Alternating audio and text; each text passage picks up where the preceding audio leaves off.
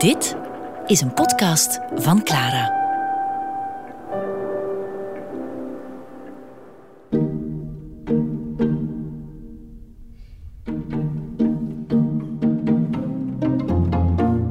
Van Breugel kennen we geen geschriften. Maar uit zijn schilderijen kun je wel afleiden dat hij een bijzondere belangstelling had voor taal. Denken we bijvoorbeeld maar aan het schilderij De Spreekwoorden. Dat is een schilderij over de taal.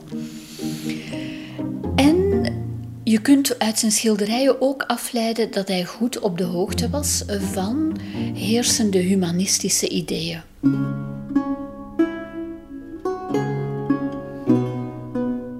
En Breugel was toch ook bevriend met een aantal vooraanstaande intellectuelen, met name dan Abraham Ortelius, de kaartenmaker uit Antwerpen, een man die zelf ook een grote bibliotheek had.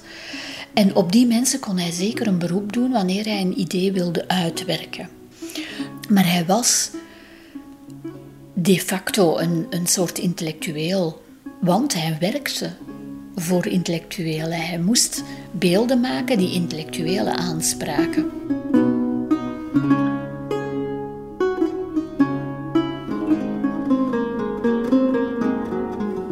Dan komt heel dikwijls de vraag: als Breugel zo'n intellectueel was, was hij dan helemaal mee met de laatste ontwikkelingen van zijn tijd en mogen we hem ook beschouwen als iemand met sympathie voor de hervorming, voor het Lutheranisme, het Calvinisme bijvoorbeeld?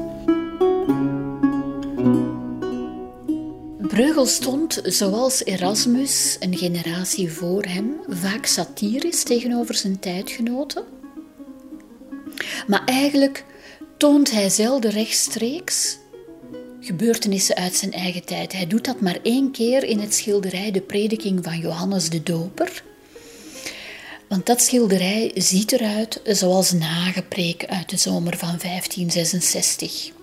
Maar als Breugel een hagepreek weergeeft, een Calvinistische prediking in open lucht, kun je daar dan uit besluiten dat hij die Calvinistische prediking genegen was? Ik denk het niet.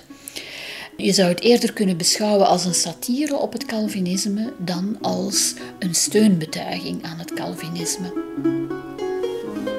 Breugel toont in de verte Johannes de Doper, die wijst op Christus, maar de compositie is zo opgebouwd dat jij als toeschouwer de indruk hebt dat je je als laatste aansluit bij die menigte mensen die zitten te luisteren en het is direct duidelijk dat jij helemaal niet kunt verstaan wat Johannes in de verte aan het zeggen is.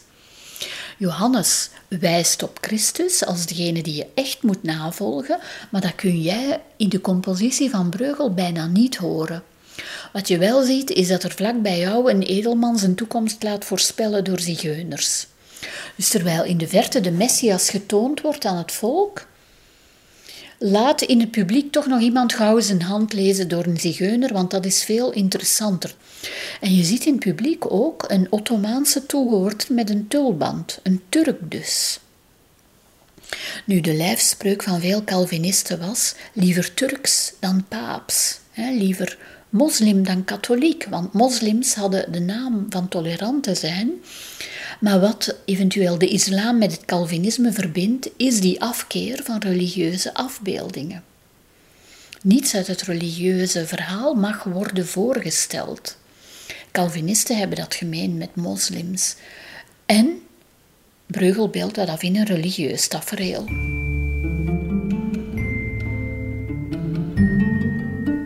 Ik denk een cruciaal schilderij voor Breugel als mens die nadenkt in zijn eigen tijd is uh, de kleine grisaille, Christus en de overspelige vrouw. Die kleine grisaille heeft betekenis gehad voor Breugel, want hij heeft dat schilderijtje ook nooit verkocht. Dat is altijd in de familie gebleven. Men kent het verhaal wel. Fariseeën willen de betrapte vrouw laten terechtstellen, stenigen, en Christus zegt dan: Wie van u zonder zonde is, hij werpe dan nu de eerste steen. Ik ben op zoek gegaan naar wat dat thema zou kunnen betekenen in de tijd van Breugel. Is dat een persoonlijk thema? Hij was zelf met een jongere vrouw gehuwd. Wijst dat schilderijtje dan op huwelijksmoeilijkheden? Ik denk dat niet. Ik ben uitgekomen bij een tekst van Erasmus, waarbij Erasmus eigenlijk op die evangelie-tekst ingaat en onderzoekt wat dat betekent voor een gelovige in zijn eigen tijd, in de 16e eeuw, vroege 16e eeuw. En Erasmus zegt dan letterlijk: we moeten hier het voorbeeld van Christus navolgen, die de vrouw vergeeft, en niet het voorbeeld van de Fariseeën, want dat zijn de blinden die de blinden leiden. Dus dat zijn. Ontdek ook onze andere podcasts via clara.be. Clara Podcast. Blijf verwonderd.